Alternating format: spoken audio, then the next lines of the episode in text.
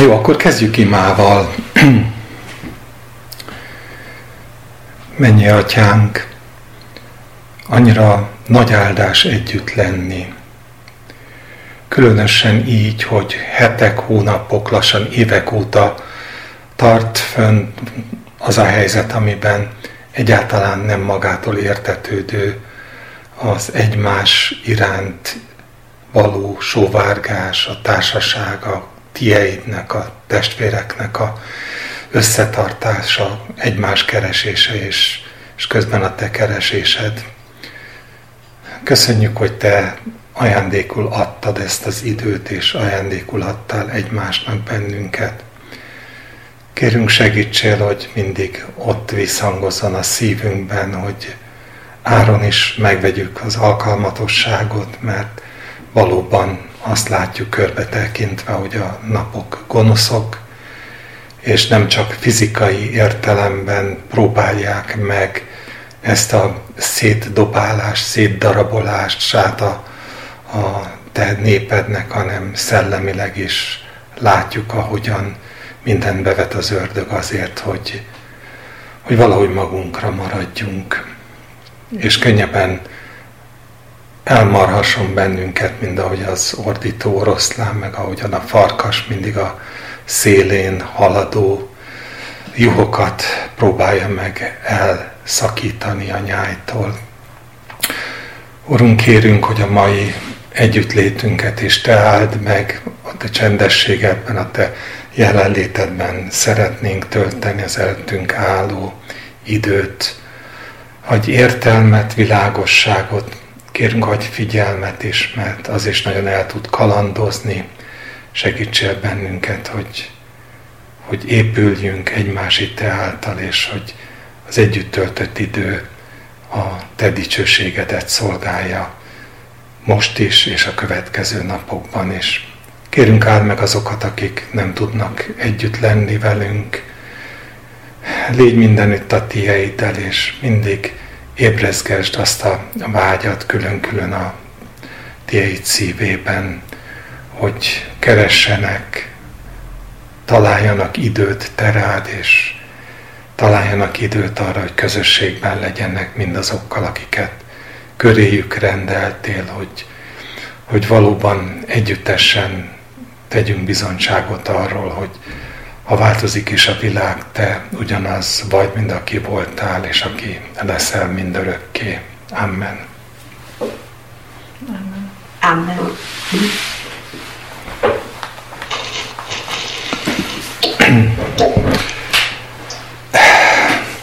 Egy nagyon rövid történetet szeretnék felolvasni, nem meglepően a királyok könyvéből, és nem meglepően a következő király, aki soron következik Manassé után, annak a történetét szeretném elolvasni.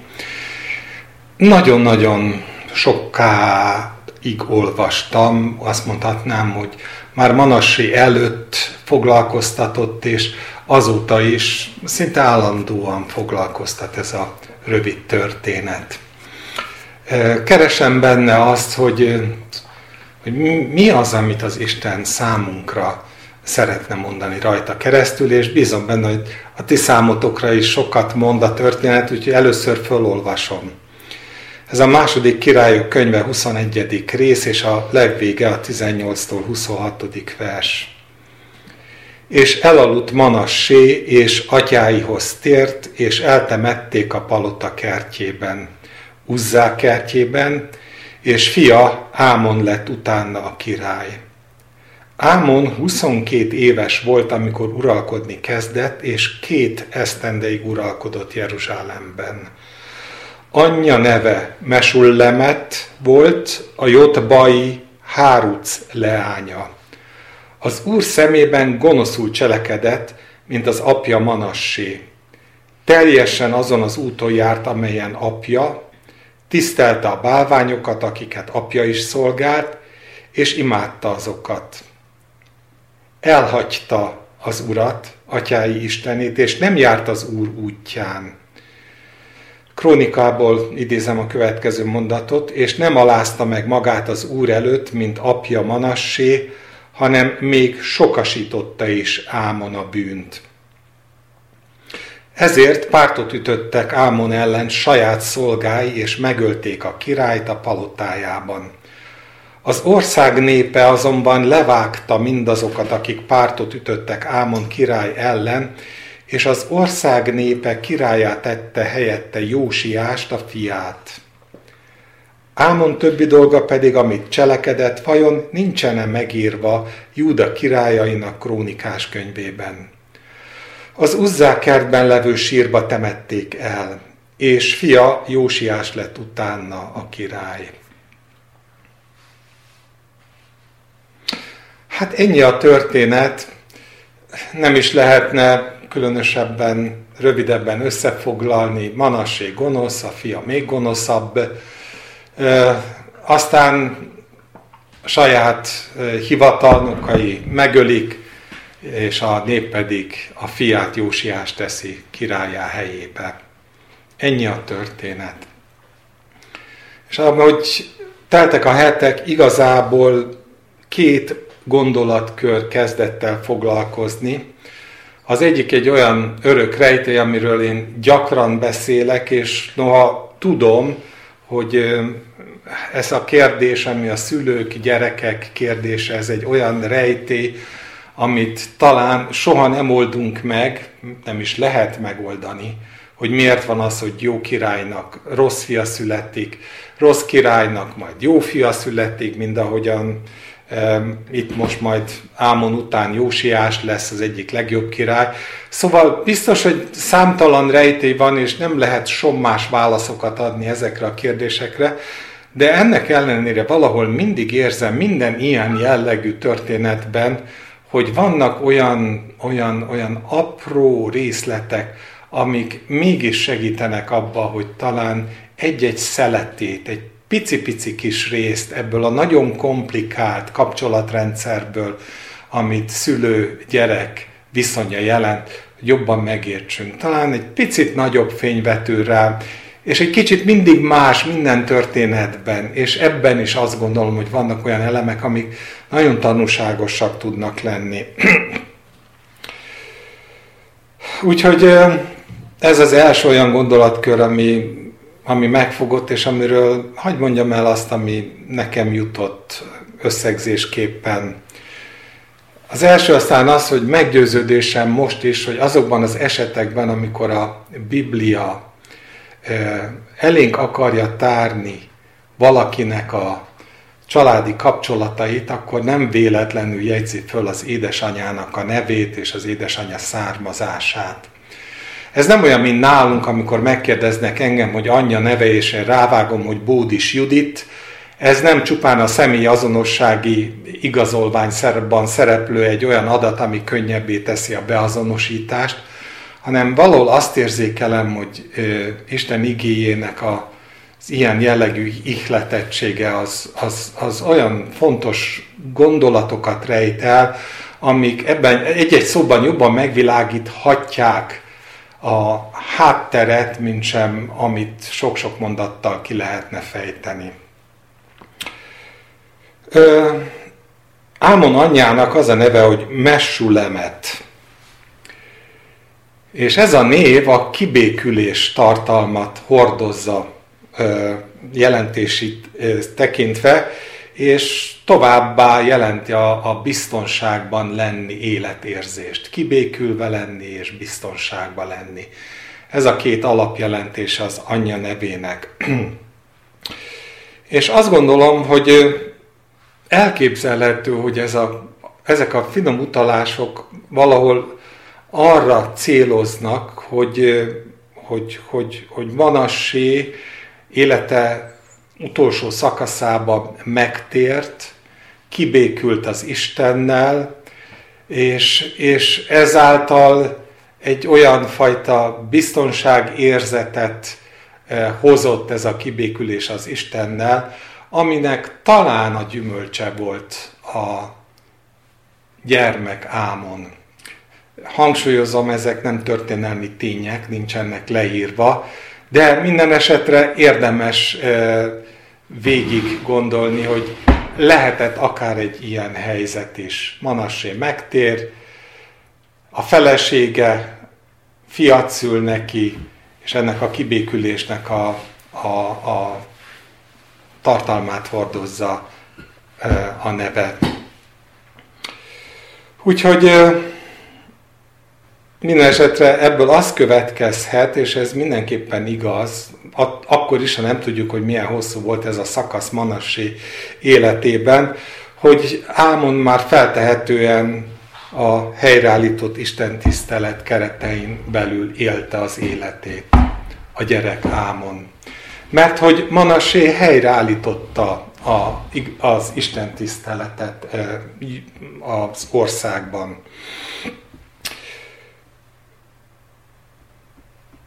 Ezzel együtt azt gondolom, hogy egészen érthető okokból érzelmileg ez a megtérés nem feltétlenül érintette túlságosan mélyen Izraelnek a népét.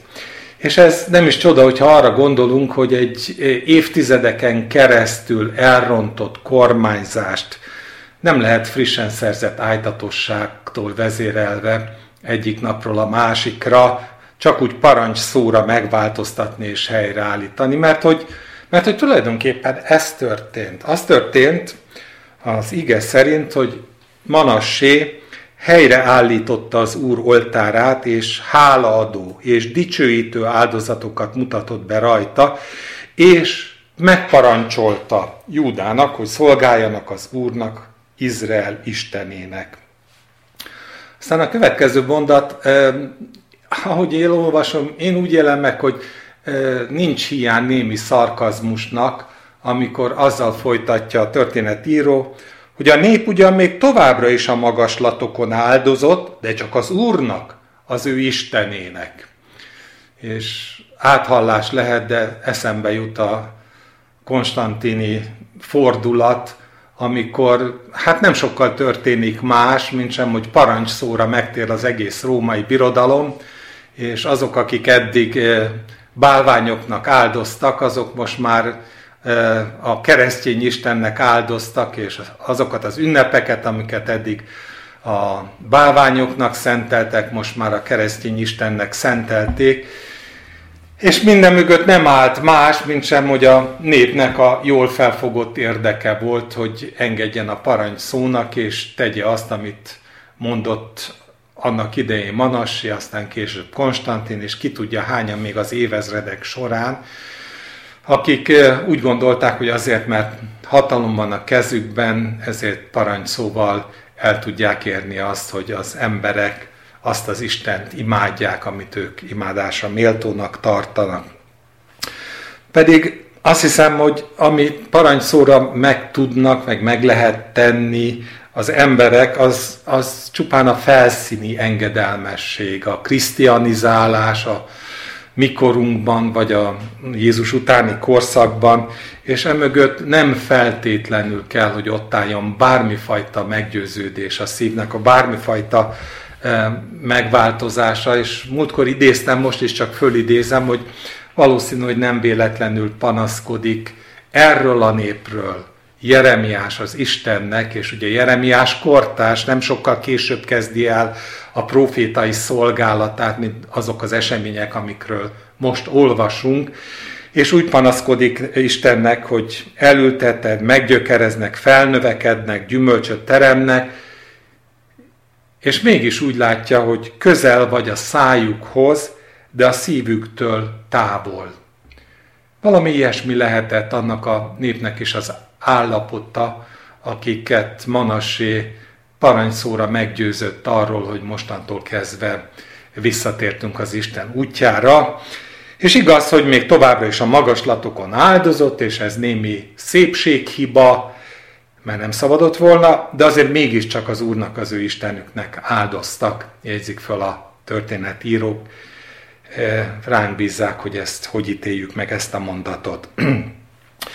szóval azt gondolom, hogy azóta is szembenézünk ezzel a alap és embereket meghatározó problémával, hogy milyen íze van annak, amikor frissen megtért emberek le akarják nyomni mások torkán az evangéliumot, az Isten képüket, akár lelkesen, akár csupán azért, mert, mert erre inspirálják őket, és nem azt mondom, hogy minden ilyen, ilyen kiindulás rossz, mert ez lehet abszolút Istentől jövő, és abszolút Istentől vezetett, de egy biztos, hogy abban a percben, hogyha ha társul egy ilyen lenyomom a torkán jellegű késztetéssel, akkor ez inkább visszás, mint sem, mint sem meggyőző, és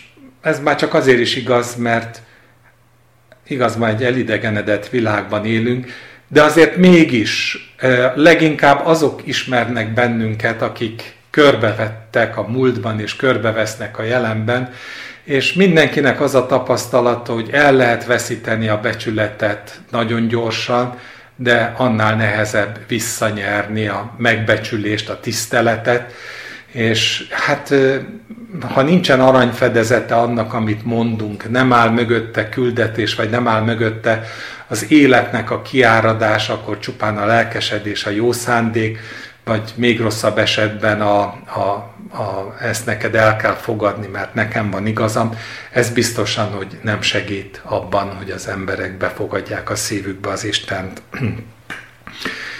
És ahogy tovább gondolom ezt a helyzetet, az egyre inkább úgy látom, hogy nem lehet azt sem kizárni, hangsúlyozom lehetőség, hogy ez állt Ámon konokságának is a hátterében.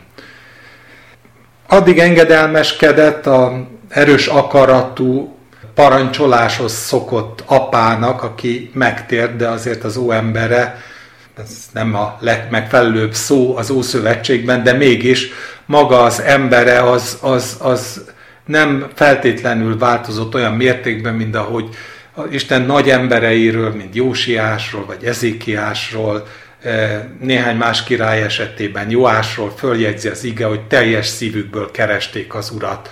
Tehát nem akartak már a múltjukból, meg a pozíciójukból faragni tőkét, hanem keresték az urat, az ő istenüket, és annak megfelelően jártak el. Szóval, hogyha nem ilyen az apa, ha nem ilyen volt Manassé, akkor érthető emberileg szólva, hogy miért látjuk azt, hogy amint magára marad Ámon, meghal az apja, és ő lesz a király. 22 évesen kitör belőle mindaz az elfolytott konokság, düh, amivel úgy érezte, hogy megrabolták a szabadságától, vagy ki tudja mitől. Nyilván akkor azért nem volt ennyire szabad az ember, mint ahogyan ma, de azért egy, egy, egy gyerek, egy királyi házban növekvő gyermeknek mégis mindig több volt az akarata, a szabadsága, és talán ezért jobban felszínre tudott törni az, amikor visszanyesték a szárnyait, hogy ezt ő, ezt ő úgy hálálja meg, hogy, hogy azért is hátat fordít, és azért is egészen másképp fog eljárni, mint ahogyan azt az apja szerette volna. És adódik az első tanulság ennek az első gondolatkörnek a, a végén, hogy, hogy már ekkor világos, hogy tekintély elvű vezetés nem tud nagyon sok jót eredményezni. És hangsúlyozom, ebben az esetben nem arra gondolok, hogy az Istentől származó és Isten által hitelesített tekintély az az, az, az, az ösztönös, amelyik, amelyiknél a emberek, akik találkoznak vele, természetes módon rendelik alá magukat, nem a másiknak, hanem a másikon keresztül megnyilvánuló és megszólaló Istennek. Szóval, hogyha nem ez van, hanem valami parancsuralmi rendszer, legyen az akár család, vagy legyen az akár gyülekezet, tekintélyelvű gyülekezet, vagy legyen akár egy társadalom, amelyik csak a parancsnak engedelmeskedő egyedeket hajlandó megtűrni a társadalom szabad tagjai között, az bizony szembenéz azzal, hogy abban a percben, amikor megváltozik a történelmi helyzet, családban, gyülekezetben, társadalomban, akkor bizony előtérbe kerül az, ami eddig elfolytva. Ott volt, a lázadás, az egyet nem értés, a széthúzás, a tekintének a lerombolása, és nagyon gyakran sajnos az egész gondolatkörnek a teljes eh, lerombolása, mint hogyha önmagában a tekintély kérdés az egy rossz dolog lenne, pedig nem az, csak a visszaélések okán eh, válik azzá. És noha tudjuk, hogy Isten megparancsolta Mózesen keresztül, és ez érvényes volt ekkor is, hogy, hogy, hogy mondják meg a családfők az utódoknak, vezessék úgy az utódokat, hogy az Isten útján járjanak. Parancsolják meg a királyok a népnek, hogy az Isten útján járnak. Tehát van belevetült valóban Izrael történetében ez a parancs, az, ez az isteni parancs, hogy hagyományozzák át nemzedékről nemzedékre az Isten útját. De azért ezzel együtt azt is érzékeljük, hogy ha nincsen mögötte egy olyan élet, amelyik valóban hordozza azt a, azt a Istentől jövő tekintét, ami alapján hitele van a szavainak, akkor ez, ez nem sokáig tud működőképes lenni. Szóval a háttérben legyenek azok apák, anyák, vagy gyülekezeti vezetők, vagy társadalmi vezetők, egészen biztos, hogy ha nem áll hiteles élet, akkor ez nem fog tartósan gyümölcsös, gyümölcsöt teremni.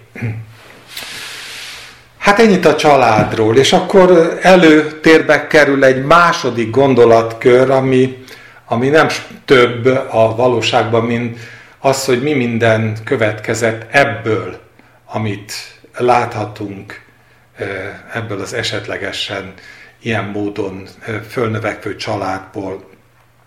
Azt mondja a Biblia, hogy Ámon nem alázta meg magát az Úr előtt, mint apja Manassé, hanem még sokasította Ámon a bűnt. És azt is mondja a, a Biblia, hogy elhagyta az Urat, atyái Istenét, és nem járt az Úr útján, és akkor folytatódik a nem járt az Úr útján azzal, hogy még sokasította is a bűnt. Elhagyta az Urat, és ez önmagában azt érzékeltető, hogy elképzelhetően ő ismerte az Urat. Azt tudom elhagyni, azt a valakit tudom otthagyni, akivel valamilyen szinten parancsra vagy önként, de volt valamilyen fajta kapcsolatom, és, és úgy döntött, hogy még az apjánál is gonoszabb lesz, és valóban járta azt az utat, aminek az lett a vége, hogy olyan mértékben kiváltotta a környezetének az ellenszemvét, hogy pártot ütöttek Ámon ellen saját szolgái, és megölték a királyt a palotájában. Egyszerű és nagyon tényszerű ez a közlés. De noha nem beszél közvetlenül arról, hogy mi volt ezeknek a főembereknek a végső célja, ám mégis a föld népének a reakciójából, ahogyan a Biblia beszél arról, hogy hogyan reagáltak akkor, amikor Ámont megölték a, a, a palota hivatalnokai. Azt mondja a Biblia, hogy az ország népe azonban levágta mindazokat, akik pártot ütöttek Ámon király ellen, és az ország népe királyát tette helyette Jósiást, a fiát. Úgyhogy azt gondolom, hogy nem túlzás következtetni ebből a két párhuzamos eseményből, hogy a főembereknek eh, nem az volt a tervük, hogy Jósiásból király lesz. És megint, eh, miközben tudom, hogy töredékes és teljesen bizonytalan egy-egy ilyen rekonstrukció, azt azért tudjuk, hogy az öröklődésnek a abszolút természetes rendje volt az, hogy az apának a fia fogja örökölni a trónt. Különösen Dávid ivadékai, eh, Dávid leszármazottai között. Úgyhogy mi sem lett volna természetesebb, mint sem, hogy, eh, hogy eh, amikor meghal Ámon, akkor majd a fia fogja örökölni a trónt. Itt viszont azt látjuk, hogy megölik Ámont, és az ösztönös gondolat nem az, hogy akkor, akkor majd a következő jósiás lesz, hanem a nép avatkozik közbe. Nem tudok másra gondolni, mint sem arra, hogy ez a mérhetetlen ellenszem, az, hogy elegük van az uralomból, elegük van a királyból, az megszülhette azt a gondolatot a környezet szívében, hogy véget akarnak vetni a dávidi utódlásnak. És ez nem volt ismeretlen. Úgy értem, nem volt ismeretlen, hogy ez a, ez a, ez a palota forradalom gondolat, ez a testvérnép Izrael történetében, ez egy majdnem, hogy általános gyakorlattá vált Akháb után, mert ugye az ő házát Jéhu írtotta ki, Sőt, azt is tudjuk, hogy Elizeus volt az, akit megbízott az Úr azzal, hogy menjen Jéhuhoz, és mondja meg neki azt, hogy írtsa ki Akhábnak a családját. És aztán utána ilyen volt Sallum, négy generációval később, eh, Isten már előre megmondta Jéhunak, hogy négy generáció után ő is el fog bukni. Aztán nem sokkal később Menahem váltotta föl, akinek a fiát, Pekáját viszont Péka, az ő hadnagya ölte meg. Érdekes végigolvasni ezeket a történeteket egészen az utolsó királyig, Hóseásig, Izrael utolsó királyáig, eh, aki pártot ütött Péka ellen, és uralkodott még kilenc évig, mielőtt elvitték volna az asszírok fogságra a népet. Eh, akárhogy is ezek a közvetlen mellettük a testvérországban eh, bevett gyakorlattá vált események eh, valóban fölkelthették ezt a, ezt a gondolatot, hogy lehet, hogy itt is az volna a legcélszerűbb, hogyha ha valaki más venné át, egy más dinasztia venné át a királyságot. Viszont van egy óriási különbség Izrael és Júda történetek között, mégpedig az, hogy addig, ameddig eh, már az elszakadás pillanatától kezdve Izraelben nem Dávidi leszármazott uralkodott, ugye az első király Jeroboám, az Salamonnak volt a száműzött hadvezére, akit visszahívtak akkor, amikor a trónölökrés kérdésében elszakadt a tíz törzs az eredeti eh, testvéreiktől. És hát így módon ezek az egymást váltó dinasztiák, ezek, ezek eh, hol hadvezérek, hol a hadvezérek leszármazottjai voltak, de nem a Dávid ház örökösei, szemben Júdával, ahol mindezekben a, az időszakokban, ebben a néhány évszázadban mindvédigig a dávidi leszármazottak ültek a trónon. Ilyen módon akár érthető is, hogy a nép miért ragaszkodott ahhoz, hogy ők Dávidi leszármazottat szeretnének továbbra is a trónra ültetni, és miért ölik meg a, a palota forradalomnak a vezetőit, akik ezek szerint nem ezt tervezték, és miért ülteti a nép a trónra e, mégiscsak az utódott Jósiást, aki természetszerűleg örökös kellett volna, hogy legyen.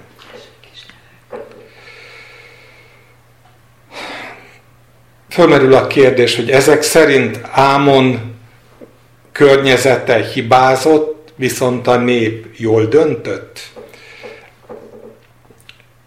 Ebből annyi a következtetés, hogy olyankor, amikor a, a, a király ellen pártot ütőknek a csapata Isten ellen lázad, akkor a népnek kell helyre állítani a rendet, és azt gondolom, hogy nem. Azt gondolom, hogy sokkal több van megint csak elmögött, mint sem, hogy egy ilyen formális következtetést vonhatnánk le belőle. A népszíve távol állt az Úrtól, parancsszóra áldozott. Ezt láttuk mindeddig, de hogyha ez így van, akkor vajon mi az, ami motiválta őket? És noha nem tudunk erre se biztos választ adni, mégis vannak előttünk olyan példák, amik, amik segíthetnek abban, hogy megértsük azt, hogy milyen indulat lakozott a nép szívében. Közt, nem sokkal később, ugyanennek a népnek a fiaként köztük élt Jeremiás, és őt verembe vetik, Sedékiás alatt. Ugye azért vetik verembe, mert a népnek nem fért bele a, a, az Isten képébe az, hogy az az Isten, aki örök hűséget fogadott Dávid házának és az ő népének, hogy ő képes lenne arra, hogy fogságra vitesse őket. Egyszerűen nem értették meg az Istent, és egy módon mm, tudtak ezt eh, korrigálni, oly módon, hogy elhallgattatták az Istennek a küldöttét. Vagy hogyha arra gondolunk, hogy ott volt Mikeás, Akábnak az udvarába, az örök ellenlábas, akit állandóan mellőz Akáb, mert, mert bizony azért panaszkodik, hogy soha nem képes úgy mondani jövőt, mint ahogy a, az összes többi hivatalos proféta neki, neki jövendől, hanem föntartja az Istennel ápolt személyes kapcsolatot, és mindig csak rosszat jövendől. Nem fér bele Akábnak az Isten képébe, és nem akar erről tudni. És talán mindennél fontosabb példaképpen itt van előttük Jézus, aki megint csak nem fér bele a kortársainak a képébe, akik persze várják a dávidi örököst, hogy ne várnák, az egész nép várja a szabadítót, és mégis amikor megjelenik a szabadító, akkor egyszerűen azért, mert a, az a fajta istenkép, amit örököltek, amit kiérleltek, ami évszázadokon keresztül meghatározójává vált a gondolkodásmódnak, ez nem az volt, mint amit Jézus elhozott. Úgyhogy amikor Nikodémusnak szemére vették azt, hogy, hogy miért nem hisznek, akkor azt mondják neki, hogy menj haza és nézd meg, és lásd meg, hogy vajon támadhat-e proféta Názáretből, és nyilván az a válasz, hogy nem, vagy legalábbis ők azt vélik felfedezni, hogy ez egy olyan logikai ellentmondás, ami teljesen lehetetlenné teszi, hogy ők higgyenek Jézusnak. Úgyhogy nem gondolom, hogy a népnek a motivációi teljesen tiszták lettek volna akkor, amikor, amikor, amikor trónra ültették Jósiást. Én egyszerűen azt gondolom, hogy ők a cél szentesíti az eszközt alapon, úgy gondolták, hogy egészen addig, ameddig Dávidnak a utóda ül a trónon, addig minden rendben van. Ez egy olyan tény, ez egy olyan faktum, amivel lehet takarózni, és, és évszázadokon keresztül számtalanszor értek Istentől. Elszakadt életet, közel volt időnként a szájukhoz, de annál távolabb volt a szívükhöz, mégis abban a hamis biztonságban ringathatták magukat, hogy minden rendben van, hiszen Isten hűséges, Isten megtartja az ígéretét, és ebbe, ebbe, a, ebbe a forgásba nem akadhat bele porszem, nem akaszthatja meg a dolgok rendjét az, hogy, hogy valaki palota forradalmat akar szervezni, akkor a megoldás készenfekvő, meg kell ölni, és vissza kell állítani azt az alaprendet, amiben mindig is hittek, hogy Isten egészen addig, ameddig Dávid ivadék ül a trónon, addig ott áll az nép mellett és védelmezi. És ugye ez csúcsosodott ki abban, hogy hiába mondja Jeremiás, hogy ez nem így van, és hiába mondja Mikeás, és hiába mondja Jézus, a nép nem akar ennek hinni, és ragaszkodik a saját torz istenképéhez. Nem akarják, hogy, hogy, hogy, hogy az események megváltozzanak, és ezáltal ők kerüljenek egy olyan, olyan helyzetbe, amikor meg kellene térniük. Tulajdonképpen sok száz évvel később keresztelő János az, aki rátapint a probléma gyökerére, amikor azt mondja mindazoknak, akik kimennek hozzá, hogy bemerítkezzenek, hogy teremjetek megtéréshez illő gyümölcsöket, és, és ne áltassátok magatokat. A régi Károlyi azt mondani, hogy meg se gondoljátok, ingyen se gondoljátok meg magatoknak azt, hogy Ábrahám a mi atyánk. Ezzel nem hivalkodhattok. Senki nem hivalkodhat azzal, hogy, hogy de hát Isten irgalmas hozzánk, mert Dávid leszármazottja űr a trónon. Nem lehet minden gonoszságot betakarni azzal, hogy a felszínt rendbe tesszük, a tál külsejét megtisztogatjuk, és egyáltalán nem foglalkozunk azzal Jézus szavai szerint, hogy belül meg tele van mindenfajta gonoszsággal és tisztátalansággal. Úgyhogy talán nem túlzás azt gondolni, vagy azt is megfontolni, hogy könnyen lehet, hogy a nép hasonló motivációktól vezetve ölte meg a palota forradalom kitervelőit, és ültette trónra Jósiást. Persze ez nem azt jelenti, hogy Isten ezt nem tette volna meg, hiszen Isten mindig eléri a céljait. A kérdés az sokkal inkább az, hogy vajon be kell -e segíteni az Istennek, vajon kell-e meggyorsítani az általunk helyesnek vélt folyamatokat azzal, hogy a cél szentesíti az eszközt, mi nem teszünk egyebet, mint Isten szolgáiként, olyan eszközökhöz folyamodunk, amelyik helyre tudja állítani a kívánatos rendet.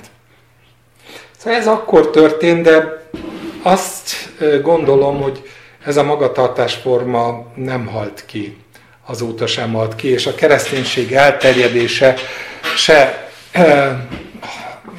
tette ezt a késztetést semmisé, hogy a, az ember, a mai ember is rendkívül érzékeny arra, hogy a felszínen megmaradjon a stabilitása, a biztonsága, és, és, és nem idegen tőle az sem, hogy annak érdekében, hogy ezt biztosítani tudja, olyan eszközökhöz nyúljon, amik, amik nem Istentől való eszközök, amik egyszerűen a saját eh, meggyőződésének a kivetítése és átszínezése, keresztény tartalommal való meggyő, eh, fölöltöztetése csak azért, hogy, hogy, hogy célt érjon el, célt érhessen el. Hogyha közelmúlt, vagy úgy értem a közelmúltat, hogy csak a felvilágosodás után elkezdődő történelmünket nézem, akkor azt látom, hogy addig, ameddig korábban a, a, az egyházak képesek voltak a tekintély ala, elv alapján fenntartani legalább az Isten tisztelet látszatát, és ebben erősen emlékeztet a helyzet mondjuk Manasséra, meg a parancsra, akár az inkvizíció árán is, de föntartani a, a rendet. Addig azzal, hogy beköszöntött egy új világ, és eh, szabad lett, liberalizált lett a gondolkodás, addig, addig az, azóta ezek az elfolytott motivációk, ezek az elfolytott ellenszegülések, azok sokkal markánsabban tudnak a felszínre bukkani, mint korábban. Az egyházak szétszakadtak egyre több felé, és egyre nagyobb mértékben kezdett el jelentkezni az a gond, hogy az egyéni szabadság óriási hangsúlyt kap, miközben nincsen ott a hitelesség háttere, nincsen ott az életnek az áradása, és, és, és bizony nincsen ott, ahogyan nem volt ott Manassénál sem ez a fajta, ez a, ez a fajta megtérés, hanem megmaradt terhes örökségként a tekintély elv, amit akkor is, amikor már az ember nem szerette, még mindig magával hurcolt. Hát nézzük, ha, ha, ha csak a gyülekezetekre nézek, a különböző gyülekezetekre, szinte mindenütt azt látjuk, hogy az egyik legnagyobb probléma mindmáig ez a tekintély elvűség, anélkül, hogy az élet, az, a Krisztusi élet, a kiáradó, a életnek a háttere ott lenne, amelyik biztosíthatná azt, hogy ez, ez a, ez a e, tekintély az olyan fajta tekintély, amit Jézusról jegyeznek fel, hogy nem úgy tanított, mint az írástudók meg a farizeusok, hanem méltósággal, tekintéllyel e, tudta mindazt elmondani, amit Isten mondott neki. Azt gondolom, hogy sokszor beszélünk egyházakról, és hajlunk arra, hogy azt gondoljuk, hogy az egyházi vezetés az, amelyik elrontja a dolgokat. De minél inkább magunkban nézünk, annál inkább láthatjuk azt, hogy a leuralás az, az nem vezetői kiváltság. Az, az nem valami olyan dolog, amit a vezetők elrontanak, és az összes többi az pedig, az pedig jól csinálná, mert azt látjuk, hogy nem. A leuralás az, az mindannyiunkban ott él, mint motiváció. Ez a mindenképpen át akarom forgám, formálni a saját képemre és hasonlatosságomra. Mindenképpen azt szeretném, hogyha olyanná eh, válna, mint amilyen jövőt én neki szánok, vagy amilyen eh, környezetben szeretném, ha én élnék, miközben őt eh, sarkalom arra, hogy térjen meg. Szóval ott tud lenni a családban, ott tud lenni a gyülekezetben, ott tud lenni a szülő és a gyermek kapcsolatban, a leuralás, ott tud lenni a munkatársi kapcsolatban, ott tud lenni a, a társadalmi kapcsolatokban, gyakorlatilag mindenütt. Minden élethelyzetben.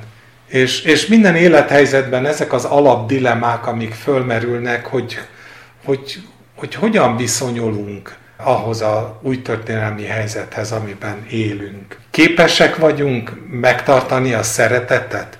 Azt hiszem, hogy nem véletlenül, hogy Jézus pont így az utolsó időkről mondja azt, hogy hogy a gyülekezetekből kirekesztenek titeket, sőt eljön az idő, amikor aki öldököl titeket, mind azt hiszi, hogy isteni tiszteletet cselekszik, és ha nem is megyünk el az öldöklésig, de azért az, az, az nagyon gyakran megtapasztalható még a keresztények között is, hogy, hogy, hogy olyankor, amikor valami helytelen dolgot teszünk, leuraljuk a másikat, akkor azt is képesek vagyunk fölöltöztetni a szentség állarcába, és képesek vagyunk arra, hogy úgy gondolkozzunk róla, hogy isteni tiszteletet teszünk, hogy segítünk igazából a másiknak, csupán a helyreállítását szolgáljuk.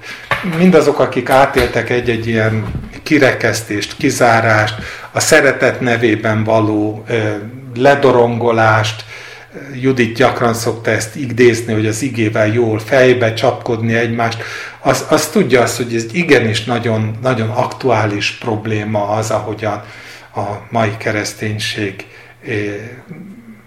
talán kellő fedezet hiány a szabadságot szabadosságá változtatja. És hogyha meghidegül a szeretet, akkor egészen biztos, hogy mindig fog találni az ördög kifogásokat, és mindig fog elénk tolni, gyakorlatilag konyha készen elénk tolni olyan kifogásokat, amik alapján a mi meghűlt szeretetünket minősíthetjük úgy, hogy isteni tisztelet az, amit teszünk a másikkal kapcsolatban. És ezekben a helyzetekben egyetlen egy dolog marad, ami a zsidó levélben fogalmaz meg az író, hogy visszatérne az, hogy megállni az Isten jelenlétében, és újra gondolni mindazt, amit eddig róla gondoltunk, és ezt tenni mindig, állandóan. Nem abból élni, amit tanítottak, nem a habitusunkból élni, hanem ahogyan Mikás fölvállalta azt, hogy a személyes kapcsolatában formálódik az, amit mond az Úr, és azt közvetíti a Akháb felé, úgy a mai hívő embereknek is ez, ez, ez, ez lett az egyetlen mérc, hogy az Istennel való személyes kapcsolatban formálódik eh, mindaz, amit aztán utána tesz, vagy mond, és amire tanít Pál, hogy akkor ezt valóban lehet a Krisztus nevében tenni és mondani, mert enélkül szóvirág, amivel több ártást, ártalmat tudunk tenni, mint sem amennyi haszna van. Úgyhogy megállni Isten előtt, és, és tudni azt, hogy az Isten beszéde az egyedül, amelyik képes megítélni az, hogy hamisaké vagy helyesek a motivációink, hogy a zsidó levél azt mondja, hogy Isten beszéde olyan, mint a kétélű fegyver, amely élő és ható és élesebb minden kétélű karnál, és többek között megítéli a szív motivációit, a szív gondolatait, és a szívnek a szándékait. Ebben a világosságban érdemes föltenni azokat a kérdéseket, amivel tulajdonképpen a saját magunk számára tesszük világossá, hogy hogy, hogy áll, hol állunk, hogy, hogy, hogy el tudjuk-e fogadni a mikeásokat. Hogy viszonyulunk ahhoz, amikor valaki, valaki nem a szerint mondja el az Isten útját, mint ahogy mi szeretnénk hallani az Isten útját. Agresszívvá válunk, szeretetlenné válunk. Kiküszöbölni igyekszünk ezt a, ezt a malőrt, csak ne kelljen szembenéznünk azzal, hogy esetleg vannak torzulások az Isten képünkben. Hogyan viszonyulunk hozzá? Emlékeztek rá, Józsefet eladták a testvérei, irítségből, vélt sérelemből, Egyszerűen azért, mert úgy érezték, hogy az, és jogosan hozzáteszem, hogy az apjuk kiváltságos eh, indulattal, szeretettel viselkedik a, a József iránt. Bennünk vajon milyen szeretet él a testvéreink iránt? Szembefordulunk egymással, vagy a testvér a testvérrel, amikor vélt igazságtalanság, vagy a, a, a saját véleményével ütköző véleményt hangoztat a másik, vagy pedig meg tudjuk tartani a, az egységet a szeretetnek és a békességnek a kötelében, kötelékében. Máig is előforduló kérdés, hogy mennyire kötődünk azokhoz a rendszerekhez, amiben fölnőttünk. El tudunk-e szakadni úgy valóságban tőlünk, vagy tulajdonképpen valahol azoknak a egyfajta krisztianizált, tehát átalakított helyreállítására törekszünk. Ugye aki a törvényt tartja követendőnek, az igyekszik arra, hogy valahol a törvényt vissza lehessen csempészni a kereszténységbe. Aki a szabadságban, a liberalizmusban nőtt föl, az igyekszik azon, hogy véletlenül se kelljen olyan dolgokkal terhelnie magát, mint sem az, hogy vajon mennyire mértékadó ez az állandó vagy az örök biztonságban való élésnek a gondolata. E, ahány keresztény, hát nem mondom, hogy annyiféle, de, de sokfajta nézet ütközik egymással, és, és, és mindenek mögött ott van az, amit Jézus mondott, hogy a szeretet sokakban meghidegül az utolsó napokban, és az ördög meg mindig megtalálja azokat a, azokat a kiinduló pontokat, amik ezt igazoltá is tudják tenni. És talán végül, de nem utolsó sorban az az, hogy, hogy mennyire vagyunk türelmesek. Mennyire engedjük azt, hogy Isten végezze a maga dolgát, vagy pedig, vagy pedig ott él bennünk az állandó késztetés, hogy nekünk be kell segíteni az Isten munkájába. És ha úgy látjuk, hogy ezt mi meg tudjuk tenni, mert nekünk igazabb, jobb, biblikusabb az elképzelésünk, mint sem a másikért, akkor, akkor, akkor ezt meg is tesszük, és megpróbálunk kicsit segíteni a dolgok felgyorsításában. Pedig Isten nem késedelmes, és Isten elég nagy és erős ahhoz, hogy helyreállítsa a történelmnek a kibillent kerekét, és én azt gondolom, hogy ebben a történetben is akkor is helyreállította volna Isten ezt a kérdést, hogyha ha ez, ez, ez nem olyan módon oldják meg a föld népének a lakói, hogy ők is a maguk kezébe veszik és megölnek mindenkit, aki, aki másként értelmezni azt, hogy miben rejlik a népnek a biztonsága. Szóval én azt hiszem továbbra is, hogy, hogy nem kell nekünk semmit sem sietetni Isten ura történelemnek, és mindazt helyre tudja állítani, amit elrontottunk évszázadokon, évezredeken keresztül, és valóban képes elérni azt, amit nem értjük, hogy hogyan tud elérni, hogy egykor majd e, teljes tisztaságban, szeplőtlenül állítja az ő népét az ő fia elé. No, ezek voltak a történet kapcsán felmerülő gondolatok bennem. Én kívánom, hogy Isten áldása legyen rajta. Amen.